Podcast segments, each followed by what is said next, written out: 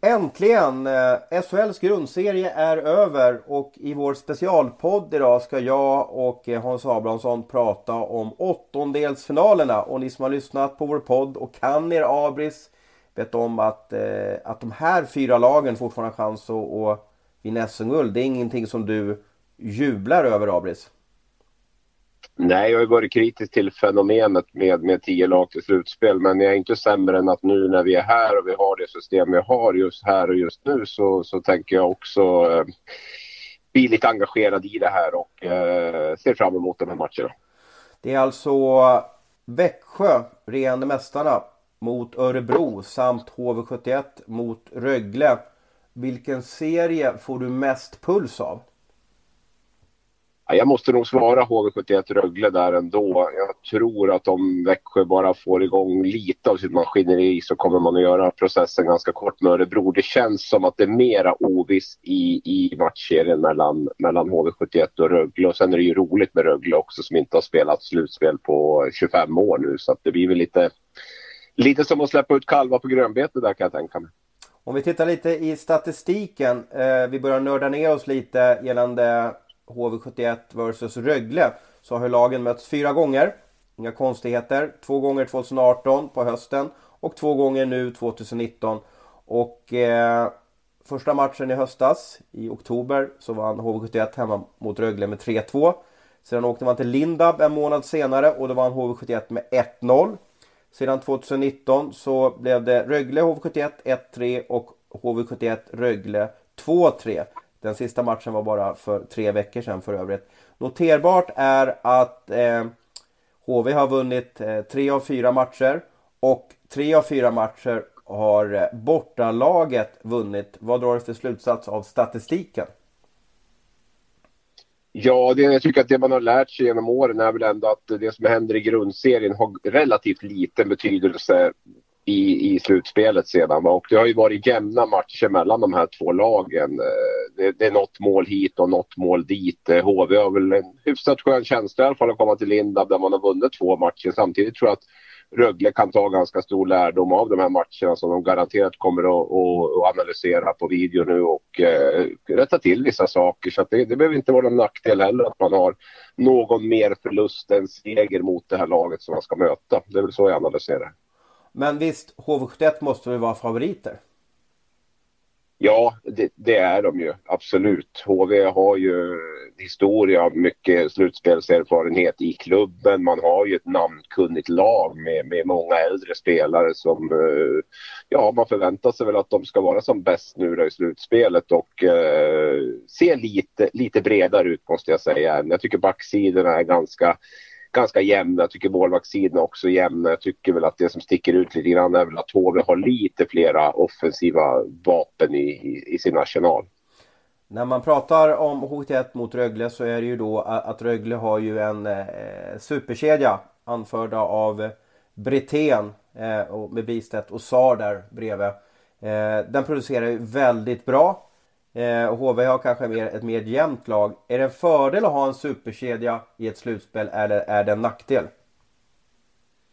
Det är ju aldrig, en, det är aldrig en nackdel att ha en superkedja. Däremot skulle jag ju föredra att ha två, eh, alltså fler kedjor som, som kan producera. Det, det är oftast lätt inom citationstecken att, att plocka bort en, en, en, en sån här superkedja i ett slutspel. Det tycker jag vi har sett rätt många exempel på. Linköping bland annat och, och några till. Va? Så att, det, det, det, är att föredra att man har helst en 7-8 forward som, som kan vara med och, och, producera poäng i ett slutspel. För då blir det väldigt svårt att, att matcha mot, mot ett motstånd. Jag menar nu HV kommer garanterat att, eh, att, eh, att matcha ganska hårt mot den här Brithén-kedjan. Man har två hemmamatcher dessutom där man kan, eh, där man kan välja bytena först eller bytena sist ska vi säga. Så, att, så att jag tror att det kommer att bli en den taktiska kampen kommer nog mycket att stå där. Att få in rätt backpar framför allt och även kanske kedja mot den här eh, Brithén-kedjan och stänga ner den. För gör man det då tror jag ändå att eh, ganska mycket är vunnet där.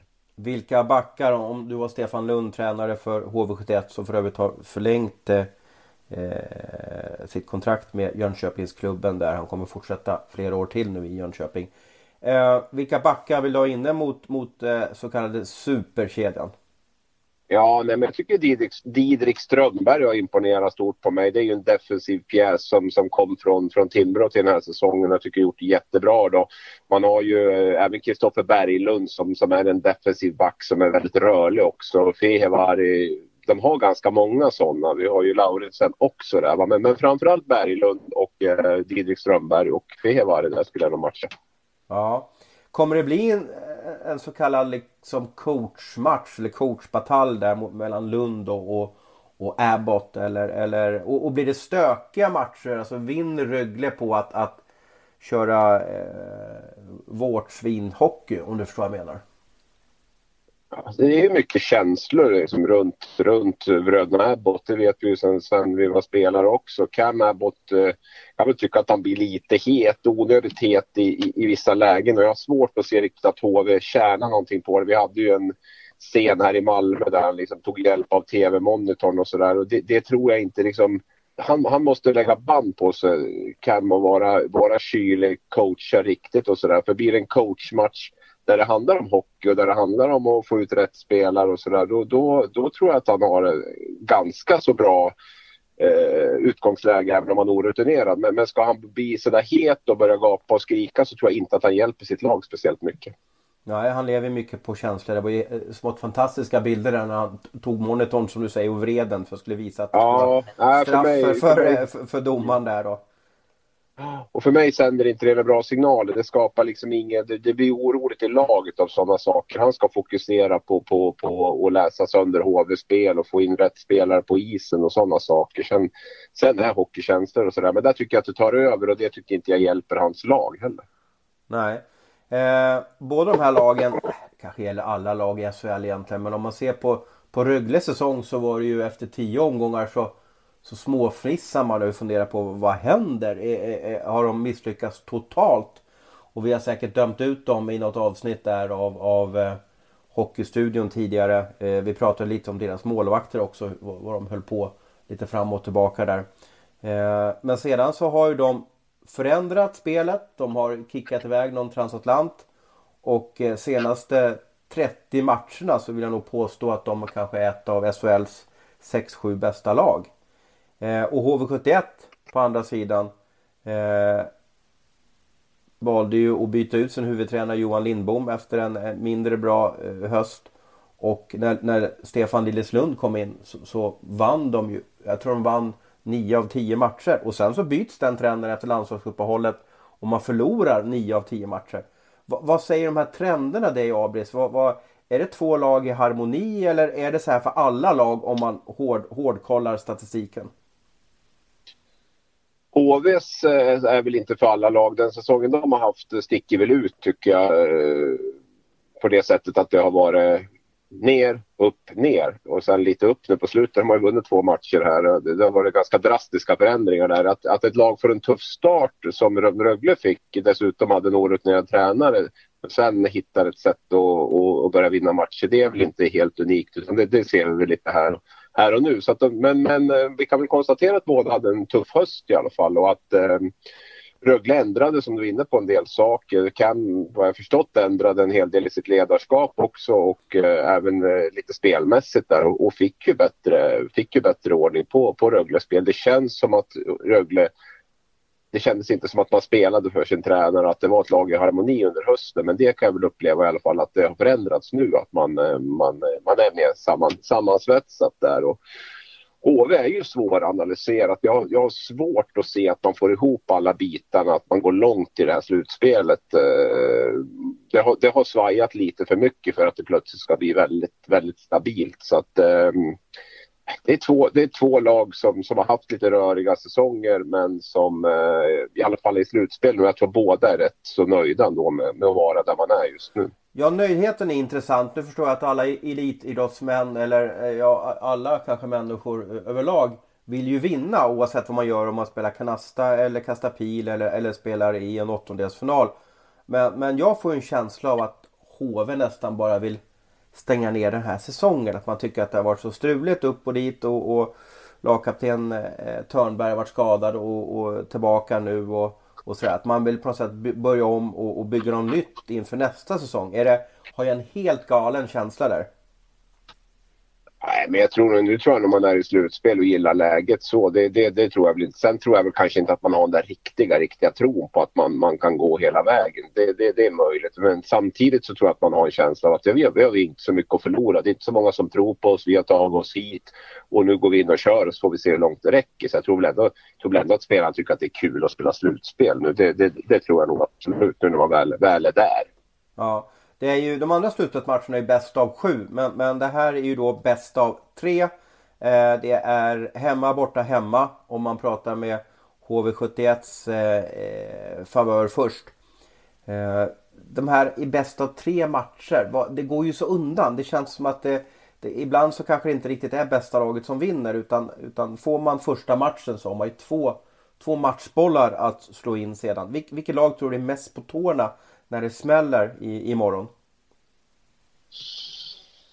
Ja, vi får väl, får väl utgå från att, att HV kommer att ta tag De spelar hemma nu, fick, eh, fick vinna två matcher i slutet på serien här. Bland annat fick vinna mot Linköping hemma som man har tio, hade tio raka förluster mot. Så jag tror att det finns ett bra liksom, go i laget där och man vill nog gå ut direkt här. Man gick ut och tog 2-0 ledning direkt mot Linköping. Jag tror att, man vill, jag tror att HV kommer att gå ut, gå ut hårdast här och att jag tror att eh, Rögle kommer att eh, kommer nog att och liksom försöka klara av de första tio minuterna och, och, och sen bygga vidare från det. Och om man tolkar rätt så tror du alltså att HV71 vinner slutspels eller åttondelsfinalen med 2-1 i matcher. Eh, eh, har, jag, har jag förstått dina signaler eh, rätt då? Ja, det var väl lite det jag skulle tippa. Sen vet jag inte hur du kunde läsa det, men det var starkt gjort av det faktiskt måste jag säga. Men det känns som att det, att det blir en... Eh, det var så pass jämnt mellan lagen här, men jag tycker att HV bör dra det längsta strået. Så att, eh, nej, jag säger 2-1 till HV där. Sen har vi väl... Det är mitt tips. Vem blir eh, matchhjälte? Vem är det du står och intervjuar här på ja, nästa onsdag blir det då? Ja, men det känns ju som att Martin Törnberg är jäkligt spelsugen och verkligen vill vara med och göra skillnad och bidra. Och spelar ju en väldigt bra kedja där också med, med Önerud och Ljung. Så att jag, eh, jag drar väl fram gamle Martin där i så fall. Det vore ju roligt för honom. Eh, fyra SM-guld har han Det är otroligt. Tänk om han skulle ta ett femte SM-guld. Alltså det vore ju fantastiskt. Ja, jag är imponerad av de här spelarna som har, som har vunnit så mycket. Jag måste säga, vi hade ju Pelle Gustafsson där i vår podd senast där också. Fyra SM-guld. Så vi har några i Färjestad där som, som har vunnit. Det är, det är tung, tunga meriter de har där. Mm. Vad, nu tror du på HV71, du tror på en jämn serie. Vad måste Rögle göra? Vad måste de lyckas med för att du ska få fel, för att du ska stå med dumstruten på nästa vecka?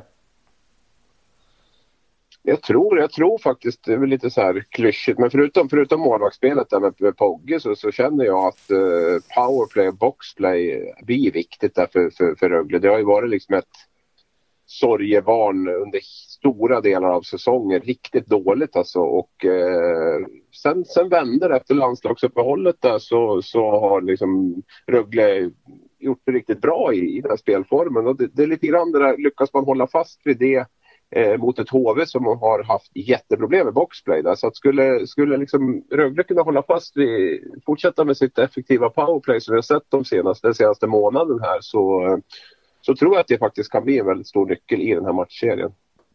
Du har ju varit kritisk till, till att tio lag nu har chansen att vinna SM-guld. Eh, har något HV71 eller Rögle, har de någonting med eh, eh, det fortsatta slutspelet att göra. Det vill säga, är de bara, blir de bara pansarmat när de ska gå upp mot eh, Färjestad eller, eller Luleå? Eller har de chans att rubba något av de här storlagen? Nej, jag tycker att Färjestad och Luleå har stuckit ut på det sättet. Alltså de, de känns otroligt starka och homogena och gedigna. Att något av de här lagen skulle vinna fyra matcher mot, mot Färjestad och Luleå, det har jag jättesvårt att se. Så att jag, jag tror att det tar slut i kvartsfinal. Oavsett hur det går i den här åttondelen så kommer det ta slut för det laget som vinner det. Ja.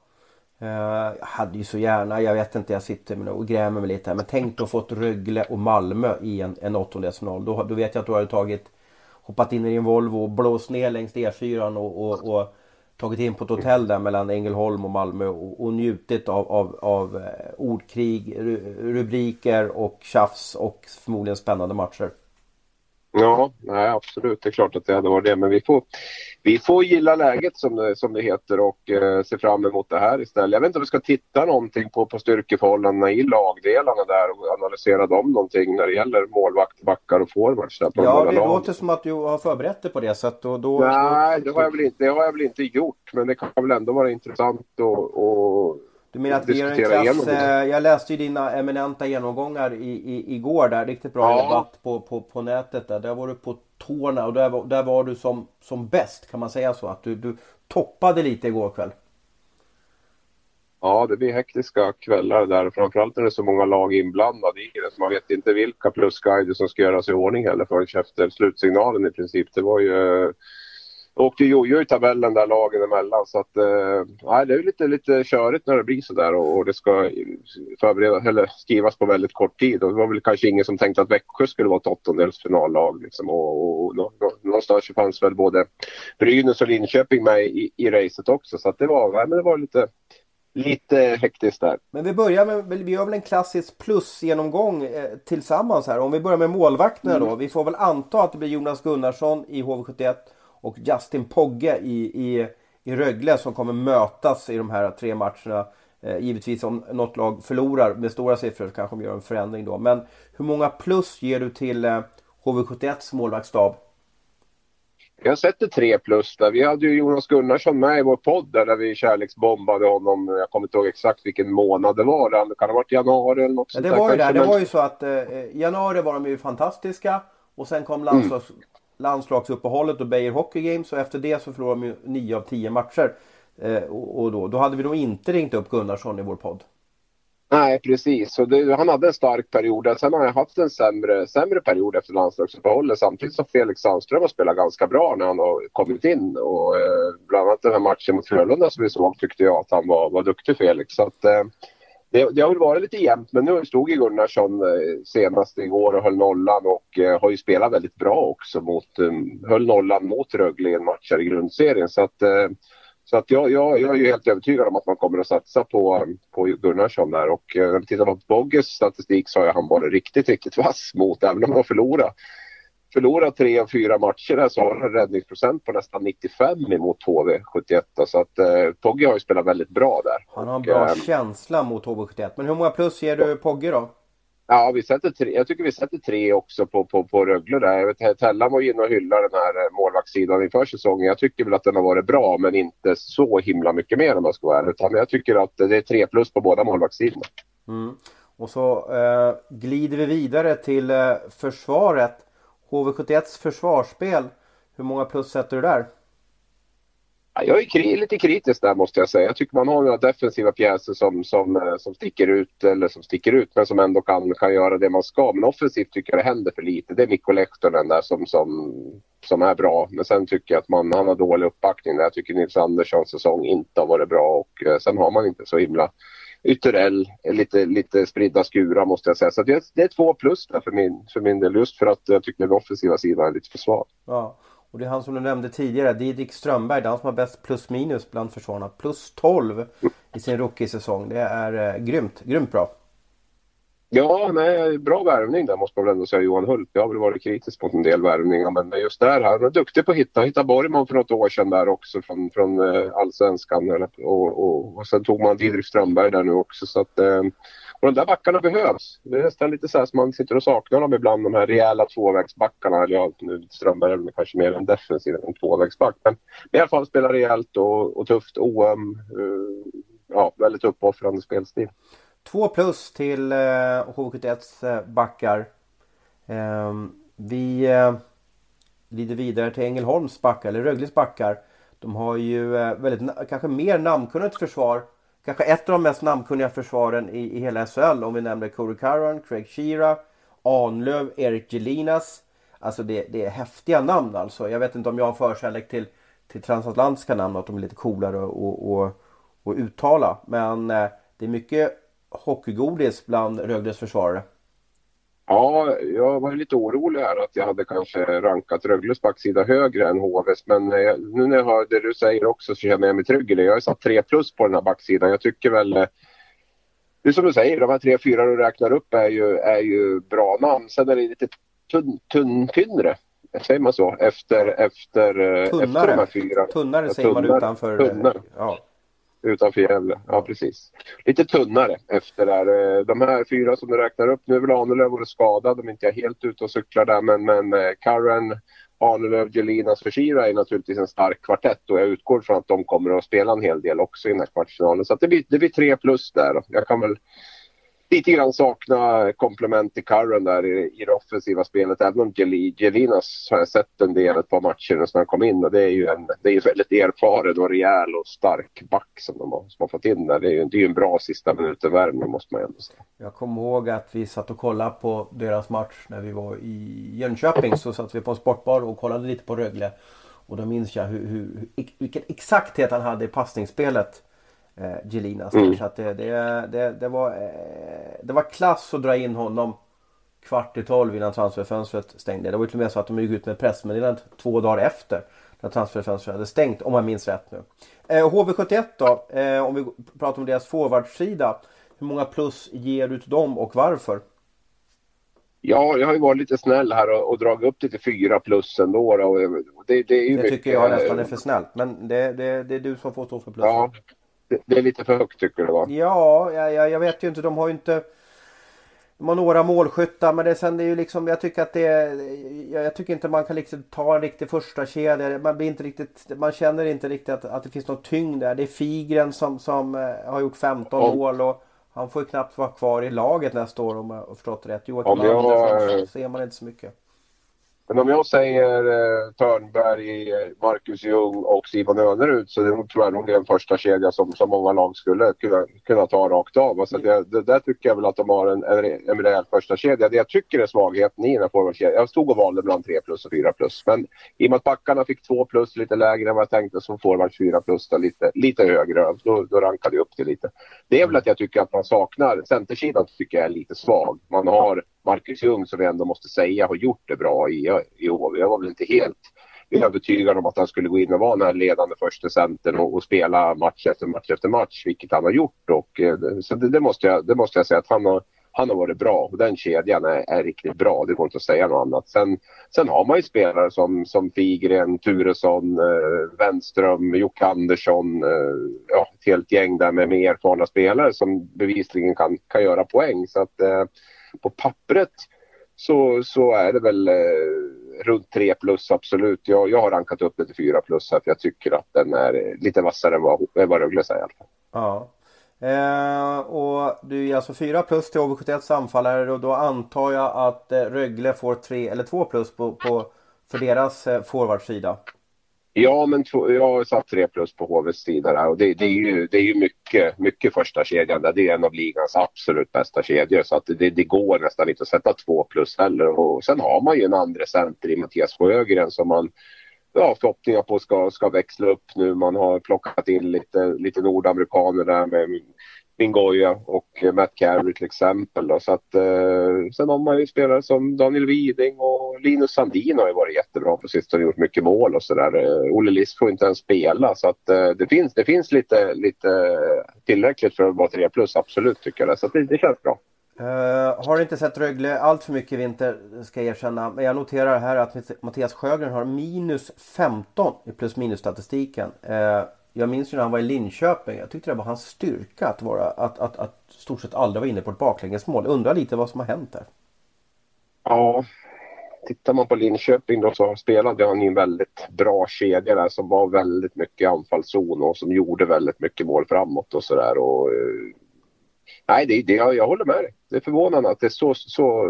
Nu är det inte plus minus vi ska väl inte hålla på och basunera ut plus minus för mycket här nu för då får vi väl på, på skallen. Men den statistiken eh, Men plus ut minus 15. Här.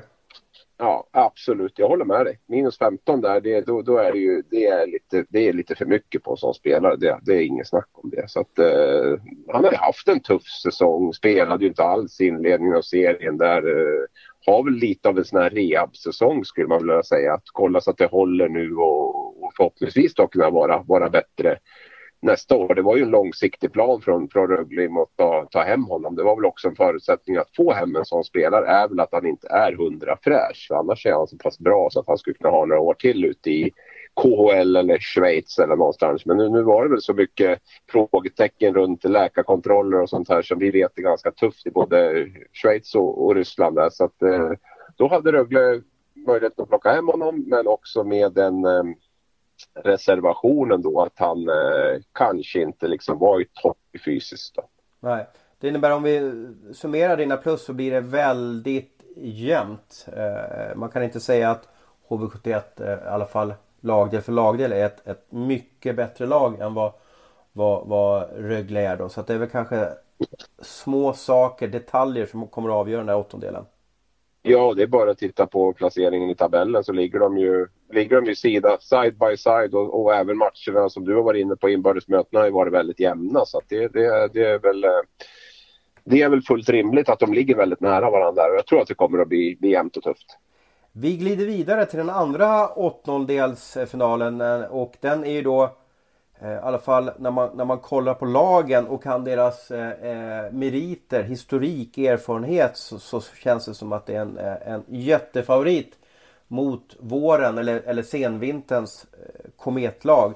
Jag tänker på Växjö som är regerande mästare och med en plånbok som är enorm. Man kan köpa vad man vill och, och har en sportchef som är oerhört skicklig att hitta rätt spel. I alla fall varit det tidigare. Eh, kanske inte lyckats så, så, jättebra i år, Henrik Evertsson.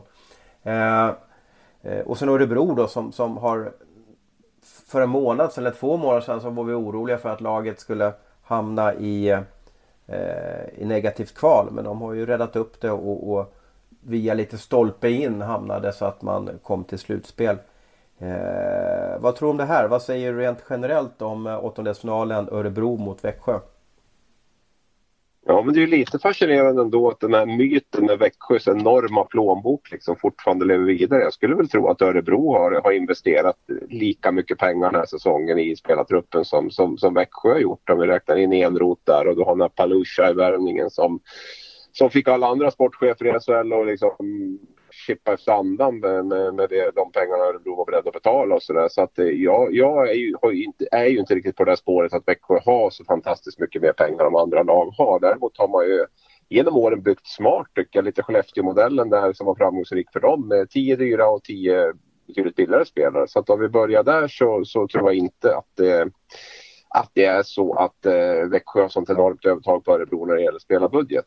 Eh, däremot så tycker jag att Växjö har ett... Eh, ja, man har ju mycket bredare spets på forwardsidan som jag är förvånad ändå att man spelar åttondelsfinal med, med tanke på det laget man har. Men det talar väl också för att det, det går inte riktigt i takt i Småland den här säsongen i Växjö. Det, det är något som, som, man inte, som inte stämmer riktigt och det är ju första motgången egentligen för Sam Hallam det här och eh, jag har svårt att se att man ska ta sig hela vägen om man nu måste inleda med en åttondelsfinal. Jag tror att det, att det sliter på lite för mycket om jag ska Lagen har ju mötts fyra gånger den här säsongen. Eh, de möttes redan i den andra omgången, eller den tredje omgången, i Vida Arena. Och då vann eh, Örebro eh, på straffar vann de med 3-2. Sen möttes de i november, även då i Växjö och då vann Växjö med 3-2. Så det har varit jämna matcher under 2018.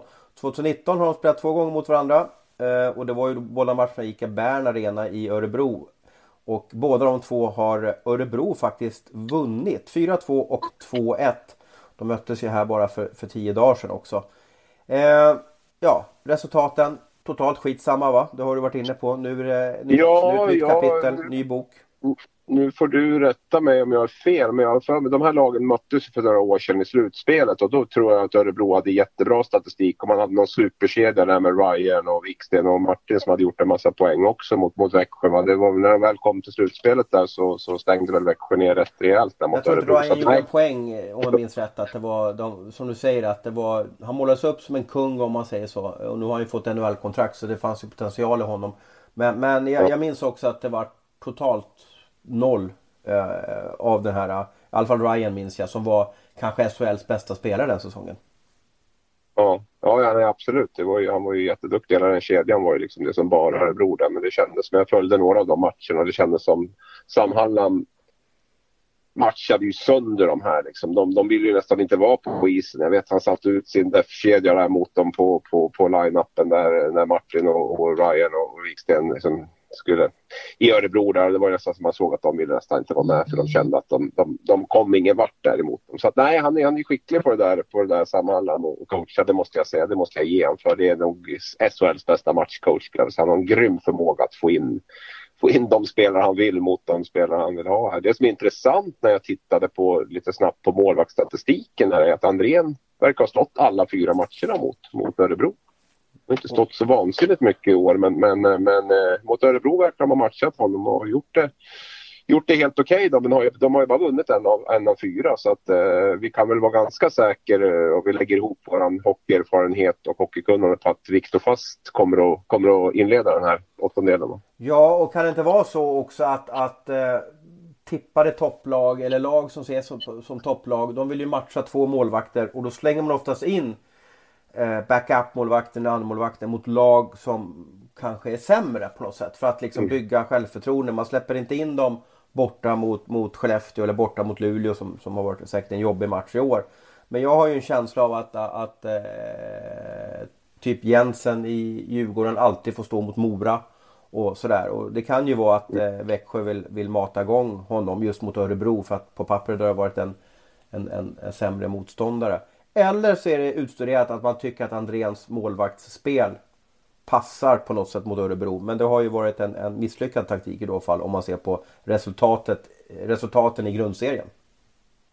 Ja, precis. Så att man ändå står alla fyra matcherna mot samma lag när, när, man, inte, när man inte vinner mer än vad man har gjort mot, mot, uh, mot det laget. Det är, ju, det är lite förvånande. Tror, jag, också, jag tror att det handlar ja. om också att kika på något sätt. Resultat är en sak.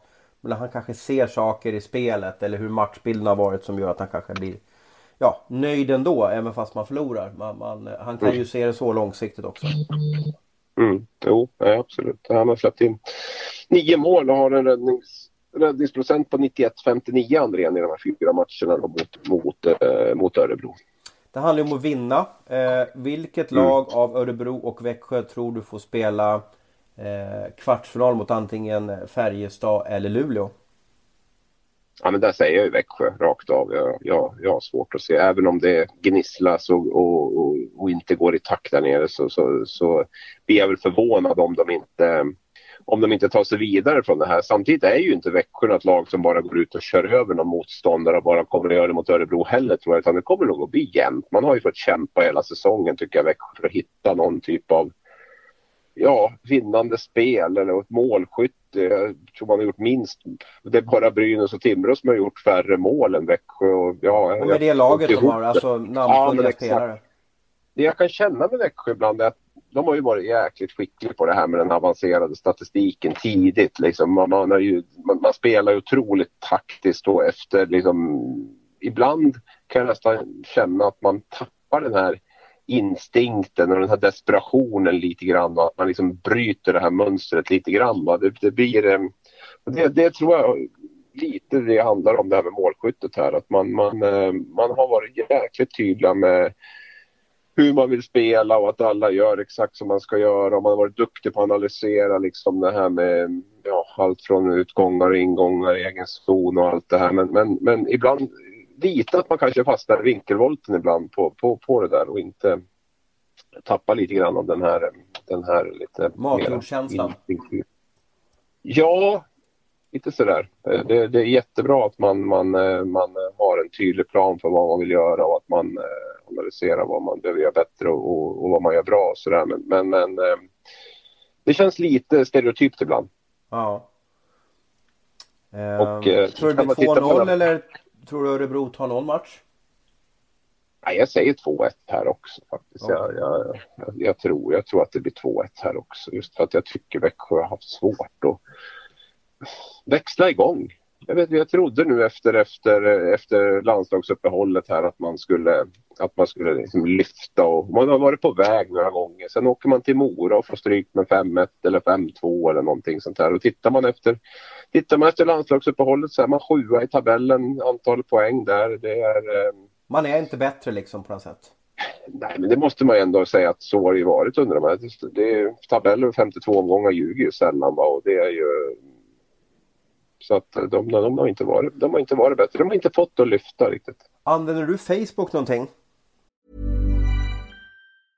A lot can happen in three years, like a chatbot may be your new best friend. But what won't change? Needing health insurance. United Healthcare Tri Term Medical Plans, underwritten by Golden Rule Insurance Company, offer flexible, budget friendly coverage that lasts nearly three years in some states. Learn more at uh1.com. Ytterst sparsamt. Ja, Jag fick en notifikation i morse från, eh, eh, från Växjö Lakers. Eh, jag, jag, är nog mer flitig Facebook-användare än vad du är. Försöker få information därifrån och kolla. Men då gick Växjö Lakers ut med i morse att de rear ut alla ståplats, ståplatsbiljetter under hela åttondelsfinalen och kan ju få två hemmamatcher för 10 kronor styck. Det här ger mig någon typ av, av nästan en chock. Att, vad händer? Kommer fansen strunta i de här matcherna bara för att de tycker att det är så värdelöst att spela en åttondelsfinal? Jo, men det har ju lite problematik när det har gått så bra så fort där. Man är ju så bortskämd av det här med finaler och SM-guld och, och gå långt i slutspel. Man har ju aldrig... Man gick ju upp och sen var det en säsong och sen har man ju inlett den här slutspelsresan som har gått långt i de flesta, de flesta åren. Och det här är ju en ny situation för dem. Det är ju inte som i Rögle eller Örebro där man tycker att åttondelar är en fest, att få spela slutspel är en fest. Utan här, här, här vill man ju ha mycket mer. Så att, eh, sen är det väl lite oroväckande att ståplatspubliken tror man ju ändå är den kanske trognaste som, ändå, som kommer dit. Och att man rear ut de biljetterna, det, det sänder ju lite konstiga signaler. Det, det, det är ju tufft. Jag förstår ju Växjö för det kanske kom som en chock för dem. Det var ju 21 och 15 ungefär igår kan man säga att, att då blev det klart för Växjö att de ska spela hemmamatch på redan ja, på lördag imorgon när vi bandar det här. Eller om ni lyssnar så kan det vara idag och så vidare. Men på lördag, alltså mindre än 48 timmar efter eh, grundserien var slut ska de spela en ny match. Så det är väldigt prekärt läge att försöka ja, fylla ja. en arena på 5000. Ja, och det är ju, de har inte budgeterat alls tror jag med den här åttondelsfinalen. Utan de har ju ingen stor kostnad heller. Det blir buss upp till Örebro vilket inte är jättelångt. Va? Så att det är väl ganska smart är det inte det på ett sätt att liksom få folket till arenan här? För det här är ju ingenting som jag tycker att det lite devalverar produkten. Förstår du vad jag menar? Ja, men vi, vi måste se sanningen i vitögat. Jag har ju suttit på jättemycket åttondelar i Gavlerinken bland annat där det har varit halvtom, halvtom arena i, i åttondelarna. Det, det, är det bättre i så fall då? Liksom? Nej, jag, bara, jag har inte sett en biljett säljas för 10 spänn. Gratisbiljett sett, men jag har nog aldrig sett att man tar 10 kronor för en SHL-biljett. Eh, eh, och, mm. Jag satte nästan mitt kaffe i halsen när jag såg det. Jag var tvungen att kolla om det var fake news eller någonting. Men då var det Växjös officiella hemsida. Men visst, det är väl, de, har, de har ju räknat. De har ju legat på en typ av kvartsfinalplats under väldigt många omgångar nu. Så de har väl räknat med att de ska gå in nästa fredag eller lördag. Eh, kanske möta Djurgården borta eller hemma. Det, det, såg ju ut så länge. Jag trodde nästan det var klart att det var så. Men så ändrades spelreglerna totalt igår. Eh, men, men fyller de ståplatsen, ja då är det jättebra att, att få det här trycket. Men är det så att fansen ändå inte orkar gå nu på lördagen här. Ja, då tappar man ju lite fördelen att spela hemma. För man får inte trycket eh, mot, mot domaren eller trycket mot motståndaren eller någonting sånt där. Jag, jag, jag känner ju att är han Brandon Shinnimin, nu ska vi vara helt ärliga, vi vet inte om han spelar det som han är anmäld nu till disciplinnämnden. Jag tror, jag tror nu killgissar jag att han kommer få böter då för det här fingret som han gav till eh, motståndarnas eh, bortaklack. Men jag tror att han eldas igång och blir bättre av att det är ett, ett ljudligt vida arena. Jo, så är det. Sen har väl Kinnimin har ju varit omdiskuterad och vi har väl pratat om honom och, och sådär. Och det man kan känna är väl att eh, det börjar bli lite mycket där nu. Va? Hans frustration blir större och större och jag tror att det hänger ihop också med att Växjös spel och antal segrar och så inte riktigt kommer som, som man har hoppats på där. Och då blir ju Kinnunen kan ju snabbt slå över och bli en belastning för laget också. För att eh, han, eh, han, han, är ju precis på gränsen och ofta över den och, och den här typen av, av, eh, av händelser som var igår där det också var en förstärkning eller en filmning då som, som man lika gärna kan bli fälld för. Och plus de här den här kommunikationen de med Luleåklacken. Jag, jag är inte så jätte, jätteimponerad av det, det måste jag säga. Och jag, det känns ju inte som att man kanske behöver elda igång Kinnemin ännu mer om du är inne på det med, med fullsatt arena utan det handlar nog mer om att försöka och, Han kanske och, vinner på att det är halvfullt på ståplats då? Eller att Växjö i alla fall vinner på det. Att de Ja. en cool Ja, Brandon nej, istället för en het Brandon. Ja, nej men det kanske man får ta till andra. Det är väl dumt att plocka bort halv, alltså köra halvfull arena bara för det. Eller, det måste nog Halland och övriga ledarstaben hitta en, en modell att jobba med honom. Vi hade ju Teemu Laine, minns han i HV där som eh, pratade en del med Janne Karlsson om tränaren där då som det var. Det, det där var också en balansgång mellan att hålla honom ja, på rätt sida för då, då är han ju en grym tillgång. Jag tycker att de här två spelarna påminner ju en del om, om varandra faktiskt. Ja, sen ska man ju veta att Kinnamin alltså eh, har gjort alltså mest poäng i, eh, i Växjö den här säsongen trots att han har bara spelat 47 matcher. Han har ju inte varit med alla matcher och han har eh, bäst plus minus också i, i, i laget plus 10. Så det, menar, det är ju inte så att han är en, en idiot som bara åker och förstör utan killen producerar ju också.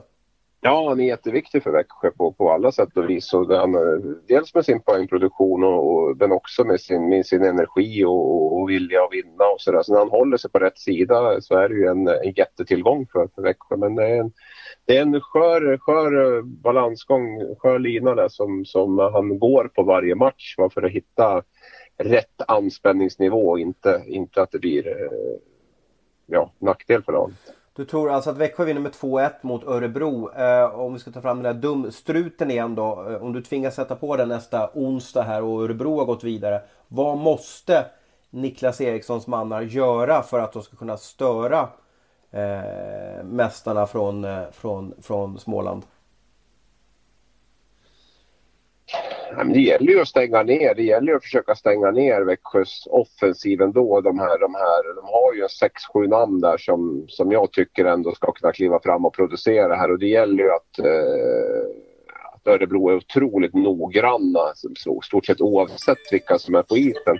Om vi jämför med, med Rögle som vi var inne på då tidigare så, så var ju de så har ju de en, en, en kedja som man framförallt måste vara vaken på. Jag tycker att Växjö har ju så många offensiva hot där så att eh, så där, eh, där behöver de bara vara väldigt, väldigt konsekventa, väldigt fokuserade i varje byte. Sen, sen behöver ju Örebro också få, få ordning på sitt eh, boxplay då som, jag vet inte vad det är riktigt där som det, det har varit dåligt hela tiden. Jag tycker inte att det har blivit, det har liksom inte blivit något bättre heller när Niklas har kommit in där utan det är, man är fortfarande sämst i serien tror jag där på, på eh, på eh, just i boxplay där och det, det kommer ju inte att hålla för man kan säga vad man vill om Växjö men när de sätter in sin första uppställning i powerplay där så, så ehm, mm, då, är- då är De det får väl mycket se till att inte hamna i den situationen. Det är lite lattjo att du säger det för Niklas Eriksson var ju en fantastisk boxplay-spelare eh, för Leksand och, och IFK Helsingfors. Så att det är lite lattjo att han, att, att han inte lyckas överföra det. Men visst, han tog ju över laget efter halva säsongen.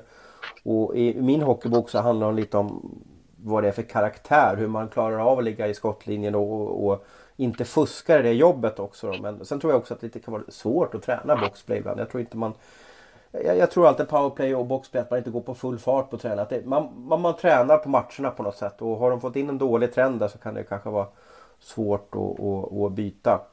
Eh, men men vad, eh, lite konkret då. Vad, vad, vad, ska de göra? Hur ska de kunna störa eh, Växjö? Alltså förutom de får hålla sig borta från utvisningsbåset kan vi slå fast. Vad mer kan de göra då?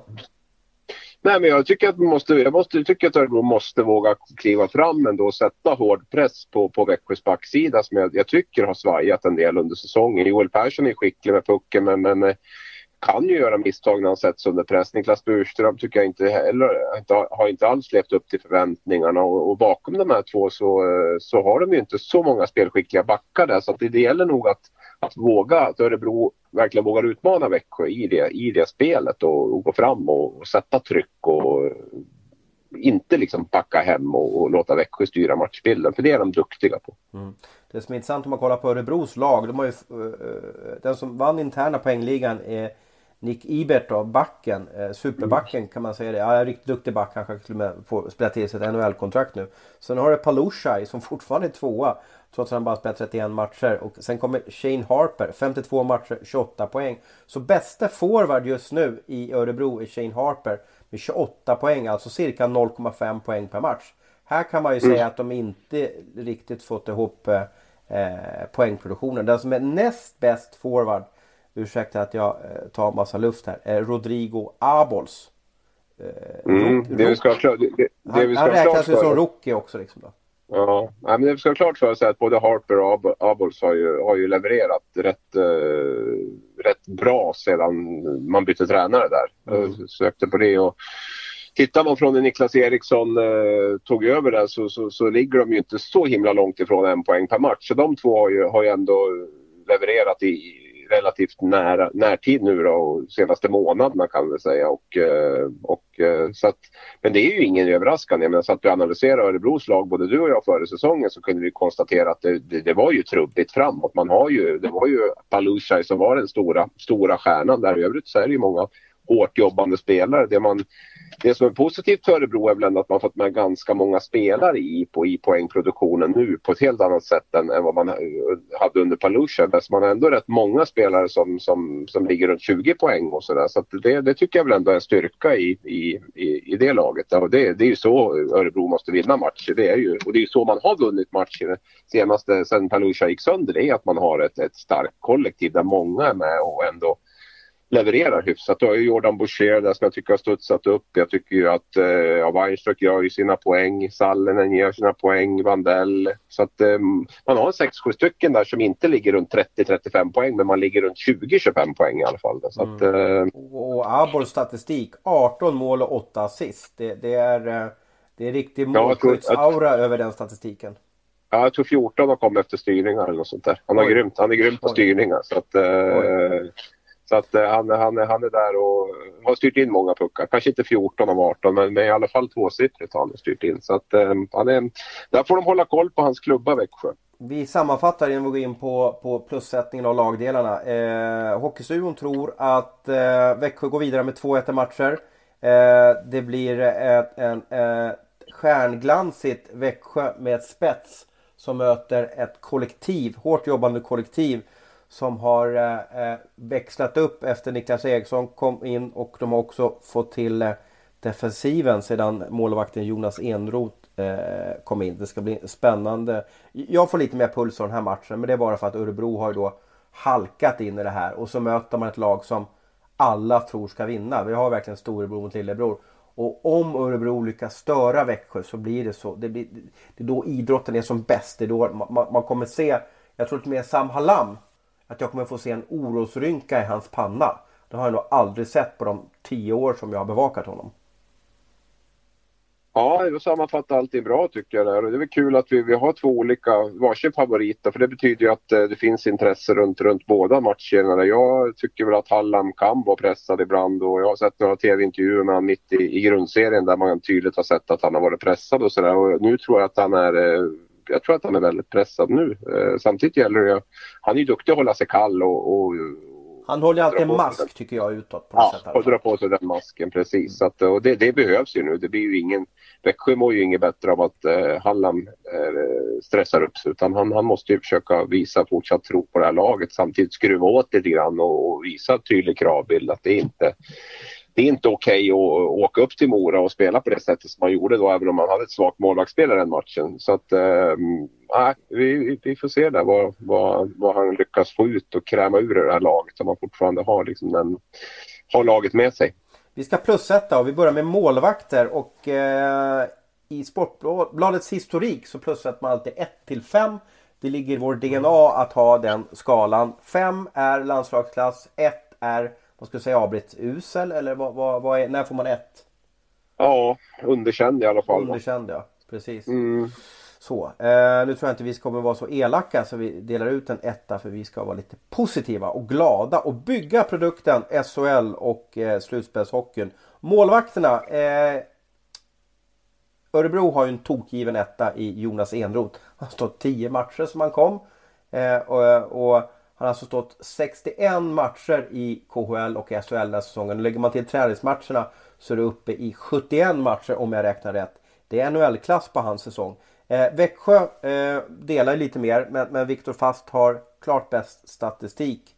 Bättre än Viktor Andrén. Hur många plus ger du till eh, Växjös eh, målvakter? Ja, det, jag, satt, jag sätter fyra plus där faktiskt. Om man sett före säsongen så har det nog varit fem plus där med, med Viktor Fast och så slutspelshjälten Viktor Andrén och så kändes det som fem plus inför säsongen. Men tittar man på, tittar man på, eh, på spelet under säsongen så är det ju i bästa fall fyra plus. Då. Men, men det är svårt att sätta mindre än fyra plus också tycker jag. För Viktor Fast har ändå gjort det mer än, mer än bra tycker jag under, under tiden han spelat. Det är ju framförallt målskyttet som har varit ett problem för, för Växjö. Kanske inte antalet insläppta mål. Utan så att, nej, fyra plus blir det där. Fyra plus på eh, Växjö och nu är jag så toknyfiken då för att Örebros målvaktstrio då Kilpeläinen, mm. Sten och mm. Enroth då. Enroth sedan han kom in har 1,88 i, i målsnitt och, och eh, varit en, blivit en vinnare. Sett, sett till i alla fall att laget vinner. Hur många plus ger du till Örebros målvakter? Ja, jag tyckte det kändes ganska enkelt där också. Det, det blir fyra plus där också. Det, är, eh, det kändes som ett ganska givet betyg tycker jag. Enroth som du säger har varit, kommit, kommit in och gjort det bra. Räknar väl ut sex av tio matcher har han vunnit om jag har räknat rätt. Eh, så att de har inte vunnit allt med Enroth som man ibland kanske vill göra gällande. Och sen är det ju ett, alltså den målvaktstrion, det är väl bara Malmö möjligtvis som kan konkurrera med den trion om man tittar på att mm. Malmö har Alsenfelt, Nilstorp och Volden då så har ju Örebro Enroth, Sten och Kilpeläinen. Så rent så, så skulle man kunna sätta fem plus men jag funderar lite grann hur motiverade och sugna är Sten och Kilpeläinen om de nu skulle få hoppa in om Enroth blir skadad. Jag vet inte så att därför så, så stannar jag vid fyra plus där på, på målvaktssidan. Ja, spännande. Vi hoppar in på Backar, eh, Växjös backar då, vad säger du om dem? Ja, vi var ju inne på det lite grann tidigare. Jag är inte... Eh, alltså egentligen är det ju ingen större skillnad från det laget som vann eh, SM-guld förra året. Det är väl Erik Martinsson som, som har försvunnit där och Burström har kommit in. Annars så är det ju väldigt, väldigt likt det laget som, som vann SM-guld förra året. Så det är ingen dålig backsida men, men eh, jag kan väl sakna lite, lite offensiv offensiv eh, spets där från, från backsidan. Nu fick man in eh, David Bernhardt där från Djurgården då och eh, han har gjort det bra sedan han kom in och han har jag sett i VM några gånger och även i Djurgården och har ju en offensiv uppsida så att eh, vi får se där om man kan ta ett kliv i Växjö. Men eh, Niklas Burström har väl generellt sett varit en besvikelse. Det måste ju vara både Växjö och, och vi tycker så att eh, Eh, Rahim och Arvid Lundberg starka defensiva backar. Så att man, man, man har, som jag var inne på, det, det är ändå väldigt likt det man vann SM-guld med förra året. Men, men med längre än till 3 plus kan jag inte sträcka mig efter hur det har sett ut under säsongen. Här. Nej. Örebros backar, jag tycker att de är lite ja. svårbedömda på någonting sätt. De har ju en, en superback i Nick Ebert där. Men, men eh, ja, och så Christian Nykäve får ju mycket istid där bredvid honom. Men, men i övrigt så ja, jag har lite svårt att ta på dem på något sätt. Liksom, jag får ingen, ja. får ingen känsla. Men, men vad tycker du att vi ska ge för eh, plusbetyg till Örebro? Ja, jag har satt tre plus där också. Det är ju det är Ibert som är stora. Alltså lite. Ja, eller bra är ju 3 plus i våran skala. Man får ju ofta säga när man sätter 3 plus så tycker folk förbannade och så men det är ändå, det är ändå bra liksom. Det är mycket bra i 4 plus och 5 plus och världsklass. Så det, det, det, är en bra backsida. Jag menar Ibert som du är inne på, jag tycker Näkivi har lyft sig sen eh, Niklas Eriksson tog över. Jag tycker att Arnesson och Rissanen och Varg är ju gedigna defensiva pjäser och sådär så att eh, den, den är bra. Det innebär att du satte 4 plus till båda lagen på målvaktssidorna och 3 plus för båda lagens eh, ja. eh, försvar. Om vi går över på anfallen då. Vad, vad, vad delar du ut till eh, Sam Halams anfallare? Jag har svårt att sätta något annat än 4 plus där. Och det, det, kanske, det kanske är lite väl högt på ett lag som jag var inne på som har ju bara Timrå och Brynäs som har gjort färre mål. Men, men eh, jag har gått lite grann på, på, på namnen här och, och, vilken potential de ändå, ändå har. Va? Och ser man med Pesonen och Horak och Kinnemin och Versteg och Kiskinen och ja, det finns säkert någon till där och lite yngre också med, med, med Dominic Bock och, och, och, och Rönnbjer. Och, så att eh, man, man, har, man har inte Elias Pettersson och Robert Rosén men jag tycker fortfarande att man har en, en, en forwardsida som förr eller senare måste börja leverera. Så att det blir fyra plus på det. Eh, ja. De har ju så oerhört namnkunnigt anfall. Jag undrar lite vad det är om, om man skulle nörda ner sig mer. Var var, varför de inte fått ihop det. Om det är eh, för många kockar eller om det är nedåtgående trend på många. Det vill säga att man är inte lika bra. Eller om man är mätt eller vad det är för något. Men, men det får vi analysera någon annan gång. Örebros ja. anfallare, vad säger du om dem? jag, jag har pratat om den del här och jag står väl fast vid det att det, det är en, eh, det är en forwardsida med många spelare som, som ligger, kan ligga runt 20-25 poäng vilket betyder att man är, eh, man är helt okej okay, men det är inte, det är inte toppklass där. Och, um, Tittar man på, på hur man har spelat efter landslagsuppehållet så, så ska det väl egentligen vara 3 plus men jag tittar väl över hela säsongen där och med Palusha är borta Eh, så, så får det bli två plus där helt enkelt på, på Örebros forwardsida. Mm. Och där har vi skillnaden i plusbedömning att eh, Växjös anfallare sticker ut och det är det som gör att de vinner den totala plus-sammanfattningen då. Fördel även där mm. till, till, till Växjö. Eh, jag ställde ju frågan när det gäller HV71 Örebro, eller fel, HV71 Rögle och jag ställer samma fråga gällande Växjö Örebro. Har något av de här lagen att göra mot Färjestad i Luleå i en kvartsfinal? Växjö kan ju definitivt, är ju laget i så fall som kan rubba något av de här lagen. Det, det är ju, så är det ju och det är ju inte omöjligt att, att Växjö kan vinna en, en kvartsfinal, skrälla och vinna en kvartsfinal mot, dem, mot något av de två lagen. Då får ju Växjö slå, slå det underläge också så att eh, sen tror jag att det kommer att slita för mycket kraft på dem om, om man eh, kör åttondelen nu och kvartsfinalen där, en tuff kvartsfinal mot Färjestad och eh, HV. Så jag tror inte det kommer att räcka hela vägen fram till, till guldet ändå. Eh, men, men absolut, i Växjö kan, kan eventuellt då eh, skrälla mot någon av de här två lagen. Det tror jag. Om de får en positiv trend nu i åttondelen här och får vinna. Ja, och det kan väl, kan väl egentligen bara bli, det kan väl bara bli Luleå va? Känns det som. Är det inte så?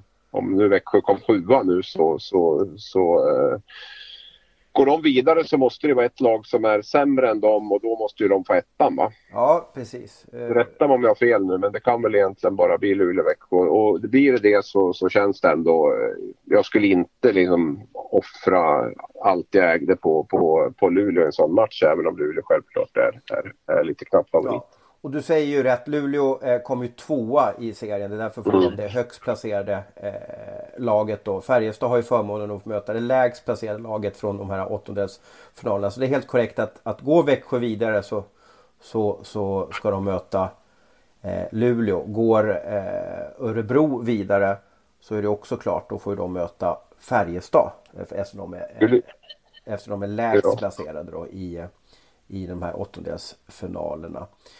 Ja, men det var väl en bra sammanfattning. Jag tänker, jag, man ska inte kika framåt för långt.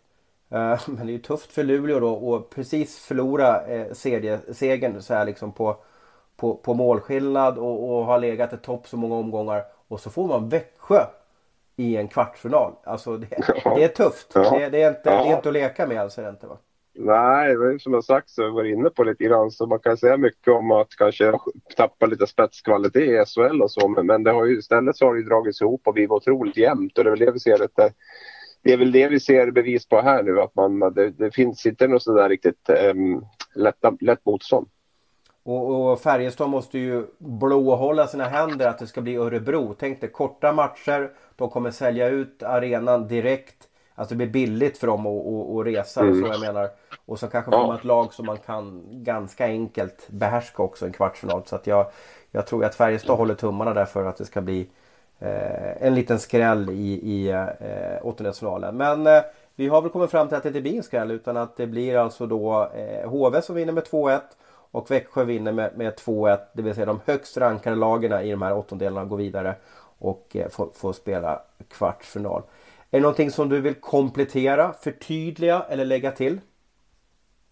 Nej, det är det väl egentligen inte. Vi, eh, vi har väl redan babblat på lite, lite för länge kanske så att vi, vi får väl... Eh, Fast det är hockeynörderi. Det här är ju, nu, ja, nu startar det, det bästa. Då, då, kom, ja. då, klarar man väl offra en timma på att höra ja. din ljuvliga stämma. Ja, vi får hoppas det. Vi får hoppas det. Jag är alltid orolig att de ska tröttna på oss. Men, men eh, nej, men det är väl man kan naturligtvis analysera Växjö lite mer. Alltså det, det, det är intressant med deras där. Men det kan, vi, det kan vi kanske ta en annan gång. Men du var inne på det här lite grann varför man inte får eh, utdelning på det. det. Så tittar man på, på deras statistik så, så är de ju ändå väldigt spelförande i matcher och har ju den biten i det. Men det är ju det, är det sista skickligheten som, som har saknats och kanske också lite desperation och, och hårdhet. Just att gå in och, och vilja ta den där skiten framför det. Så det, det är väl det jag känner och det är det som ska bli intressant tycker jag att se nu i de här matcherna är det nu de börjar att tugga igång eller är det här en säsong där det inte är harmoni, där det inte där inte laget går i takt och där man går på sin egentligen första riktiga motgång eh, sedan man eh, inledde den här Askungesagan kan man väl nästan kalla det. Mm. Jag håller med dig. Jag eh, ska avsluta här och jag fick ett sms från Erik Granqvist häromdagen. Och han hyllade vår podd och, och så skrev han så här att jag älskar dig. Jag älskar också att du avslutar podden, podden ibland med att säga att du älskar lyssnarna. Det behöver lyssnarna. Kram för att du, du gör det. Så jag avrundar med att säga att tack för att ni lyssnade och eh, ja, jag och övriga i Hockeystudion vi älskar våra lyssnare. Och ni betyder mycket för oss.